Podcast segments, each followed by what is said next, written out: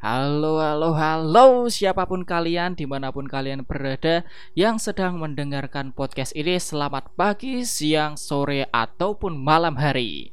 Kembali lagi denganku Vincent Nugraha dan selamat datang di podcast Nongkrong One Piece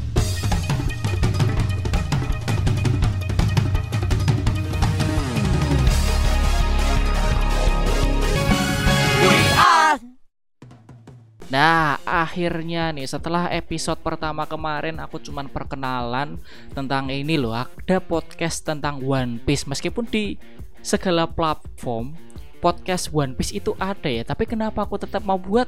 Ya karena aku Vincent sangat menyukai One Piece dan salah satu fans besar One Piece.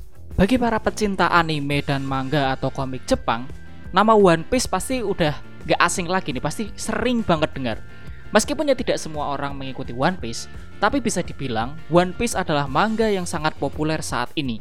One Piece diciptakan oleh seorang mangaka atau komikus Jepang yang bernama Eiichiro Oda yang biasa dipanggil para fans yaitu Oda Sensei atau Odachi. Ah, imut banget ya namanya ya, tapi kita lebih sering manggilnya Oda Sensei.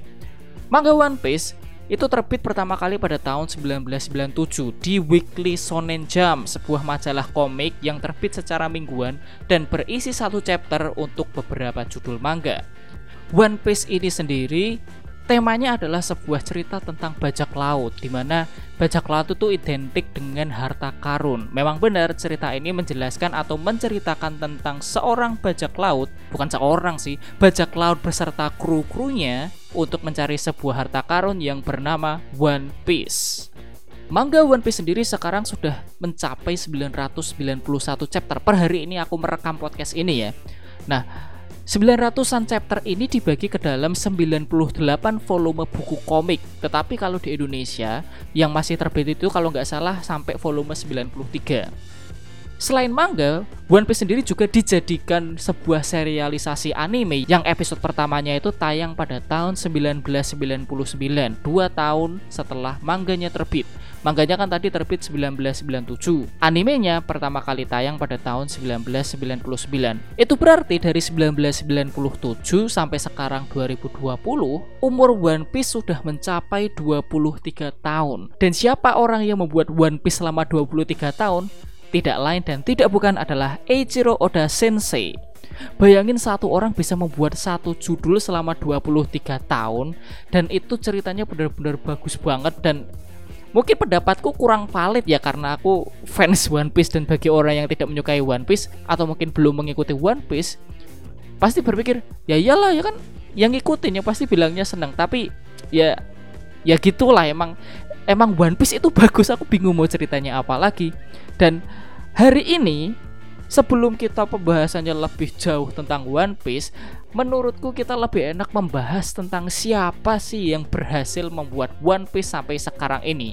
Aku akan menceritakan kisah tentang Eiichiro Oda Sensei, bagaimana beliau dari awal membuat One Piece sampai sekarang. Jadi, ayo kita mulai biografi Eiichiro Oda Sensei.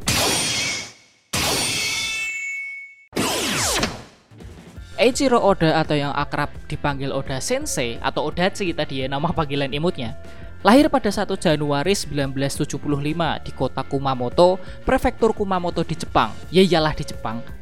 Ayah Oda Sensei itu suka melukis. Mungkin hal inilah yang membuat Oda Sensei bermimpi untuk menjadi seorang mangaka atau seorang komikus.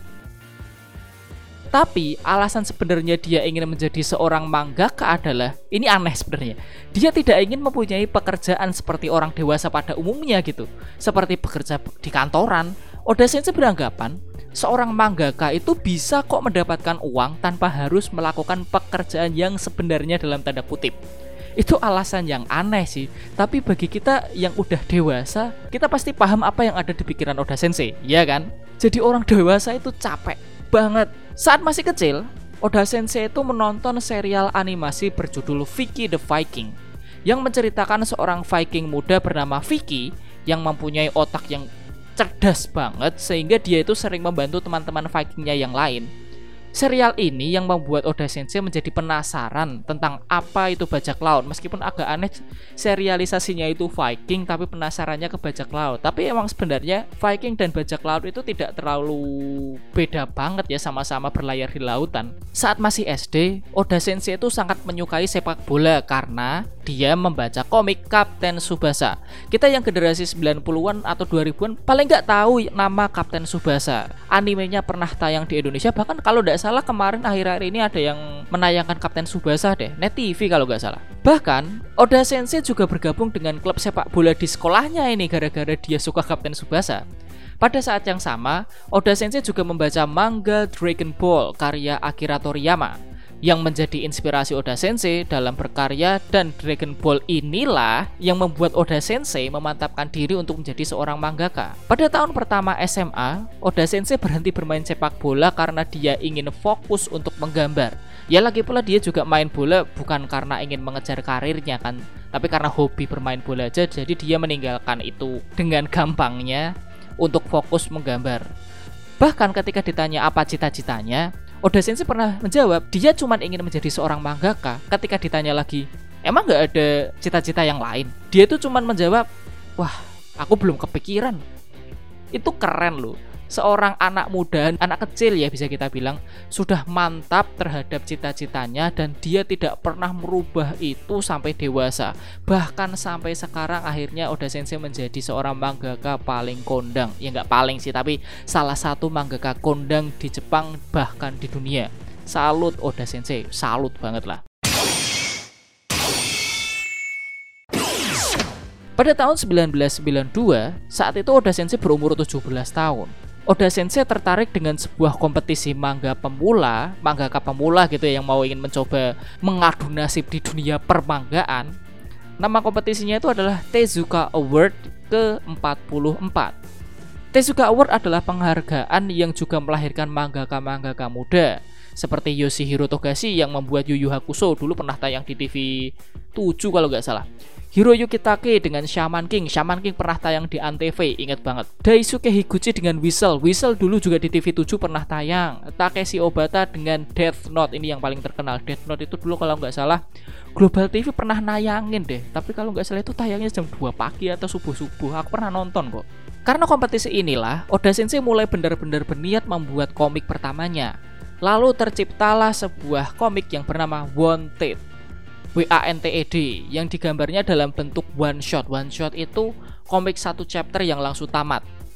Wanted sendiri mengambil tema koboi dunia barat yang menceritakan seorang koboi muda bernama Gil Bastar yang diincar oleh bounty hunter atau pemburu hadiah karena sebuah kesalahpahaman. Ini ada kisah lucu nih di balik Wanted nih. Jadi, tiga hari sebelum deadline pengumpulan naskah komik ke Tezuka Award, Oda Sensei mengalami kecelakaan dan akhirnya dia harus mengebut naskah yang belum jadi dalam keadaan kesakitan. Kalau dipikir-pikir lagi kok bisa selesai ya naskah padahal habis kecelakaan gitu loh. Kenapa dia bisa-bisanya ngebut naskahnya itu? Tapi usahanya pun tidak sia-sia. Wanted membuat Oda Sensei mendapatkan juara kedua pada Tezuka Award saat itu dan mendapatkan hadiah sebesar 500 ribu yen atau sekitar 60-an juta. Jika menggunakan kurs tahun ini ya entah ya itu waktu 92 gitu itu berarti uang 92 uang segitu banyak banget loh Lalu, pada tahun 1993, Oda Sensei lulus SMA dan melanjutkan kuliahnya di Universitas Kyushu Tokai jurusan arsitektur. Pada tahun yang sama pula, Oda Sensei membuat dua karya lainnya nih yang dibentuk dalam sebuah one shot seperti Wanted, yaitu God's Gift for the Future atau dalam bahasa Indonesianya, hadiah dari Tuhan untuk masa depan. Ceritanya sih seperti judulnya tentang seorang pemuda yang mendapatkan sebuah hadiah dari Tuhan karena dia melakukan sesuatu yang buruk. Yang mana itu aneh banget ketika kamu membuat ketika kamu melakukan kesalahan malah dapat hadiah dari Tuhan. Karya lainnya di tahun yang sama berjudul Ikiyako. Ceritanya itu tentang biksu muda yang melakukan sebuah perjalanan untuk mencari gurunya yang telah lama hilang. Keahlian Oda Sensei dalam menggambar pun juga terlihat sangat berkembang dari Wanted ke Ikiyako ini. Pada tahun 1994, Oda Sensei memutuskan untuk keluar dari perkuliahannya dan pergi ke Tokyo untuk memulai karirnya sebagai seorang mangaka. Perjalanannya untuk menjadi seorang mangaka tentu yang jelas gak mudah kan gak mungkin instan. Untuk mempunyai serialisasi sendiri di Jepang itu bukanlah hal yang mudah. Industri komik Jepang itu kayak apa ya ribet banget. Kalau kalian pengen tahu industrinya kayak apa kalian bisa membaca atau menonton anime yang judulnya Bakuman. Itu bagus banget. Jadi ceritanya tentang seorang mangaka yang dari SMA ingin menjadi mangaka yang sampai mangganya itu dijadikan anime gitu. Bagus banget lah, coba aja tonton. Oda Sensei tidak langsung menggarap One Piece nih setelah pindah ke Tokyo. Bahkan Oda Sensei tidak menggarap karyanya sendiri lah kok gitu Bener, Oda Sensei mengawali karirnya dengan menjadi asisten mangaka Yang aku bilang asisten itu bener-bener asisten mangaka Jadi pembuatan manga itu tidak dilakukan oleh satu orang saja Melainkan beberapa orang untuk satu judul karena terbit setiap chapternya bisa setiap minggu, tentu berat banget kalau harus melakukan sendirian. Maka dari itu, si penulis utama selalu dibantu oleh asistennya.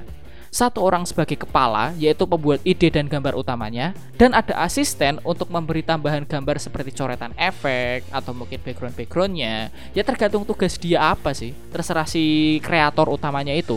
Ditambah ada seorang editor dari pihak penerbit. Jadi gini, pengarang dibantu asisten, Nah, di atas mereka ada editor yang mengawasi kinerja pengarang agar karyanya tetap bagus. Nah, Oda Sensei pun juga mengalami hal seperti itu. Oda Sensei pertama kali bekerja sebagai mangaka profesional adalah sebagai asisten dari Shinobu Kaitani Sensei pada komik Midoriyama Police Gang. Aku nggak terlalu mengikuti Midoriyama Police Gang karena ini satu komik lama banget dan ketika aku mulai baca pengen tahu aja ceritanya kurang ya kurang klik aja gitu. Meskipun tidak lama kemudian, Oda Sensei pindah ke Masaya Tokuhiro Sensei yang sedang mengerjakan Jungle King Tarchan dan berlanjut ke judul lainnya Mizuno Tomodachi Kapaman. Jadi Oda Sensei itu sama Masaya Tokuhiro Sensei ini sempat bergabung atau sempat membantu si Masaya Sensei ini di dua judul tadi. Di sinilah Oda Sensei belajar cara menggambar background dan kerumunan yang sering dipakai dalam One Piece. Kalau kalian baca One Piece ya, versi manganya yang asli, itu Oda Sensei sering banget menggambar background yang detail-detail dan rumit banget. Mungkin dia belajar dari sini ya. Di saat bersama Tokuhiro Sensei ini, Oda Sensei juga membuat karya orisinalnya yang lain nih. Judulnya adalah Monster. Ceritanya tentang seorang samurai yang mengalahkan monster. Ya cuman gitu sinopsisnya emang gitu doang. Tapi Monster ini berhasil diterbitkan di Shonen Jump edisi spesial musim gugur pada tahun 1994. Ya, itu cukup bagus lah. Pada tahun 1996, setelah dari Masaya Tokuhiro Sensei tadi, Oda Sensei menjadi asisten dari mangaka kondang yang lain jadi pindah lagi nih Oda Sensei pindah ke mangaka yang bernama Nobuhiro Watsuki Sensei yang sedang mengerjakan Rurouni Kenshin kalian pasti tahu lah Rurouni Kenshin Samurai X tuh kalau di Indonesia yang pada saat itu di Jepang Rurouni Kenshin menjadi salah satu judul manga yang sangat-sangat populer, gede banget. Jadi ini kayak anugerah buat Oda Sensei, dia bisa belajar dari mangaka sekali bernasional gitu. Dan tidak hanya berhenti di situ saja. Bahkan Oda Sensei juga memberikan ide kepada Watsuki Sensei dalam penciptaan salah satu karakternya yang bernama Honjo Kamatari. Ada andil Oda Sensei dalam pembuatan karakter itu. Kamu lihat aja lah, Rurouni Kenshin Honjo Kamatari di Google pasti kelihatan.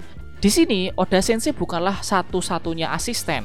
Dia bekerja bersama asisten lainnya juga seperti Hiroyuki Takei yang tadi mengarang Shaman King, Shinya Suzuki Mr. Full Swing, Kin Singa almarhum dengan karyanya Oniga Kitarite, Mikio itu Normandy Secret Club, para asisten Watsuki ini menyebut diri mereka sendiri itu Watsuki Gumi atau gengnya Watsuki Sensei.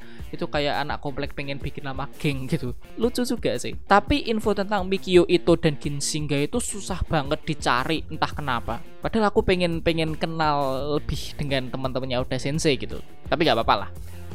Pada salah satu kesempatan, Oda Sensei bahkan membuat sebuah karakter di One Piece bernama Mikio Ito yang muncul di poster buronan di bar saat bajak laut Shanks saat berada di desanya Luffy dengan harga bontinya si Mikio Ito ini bontinya 1 juta.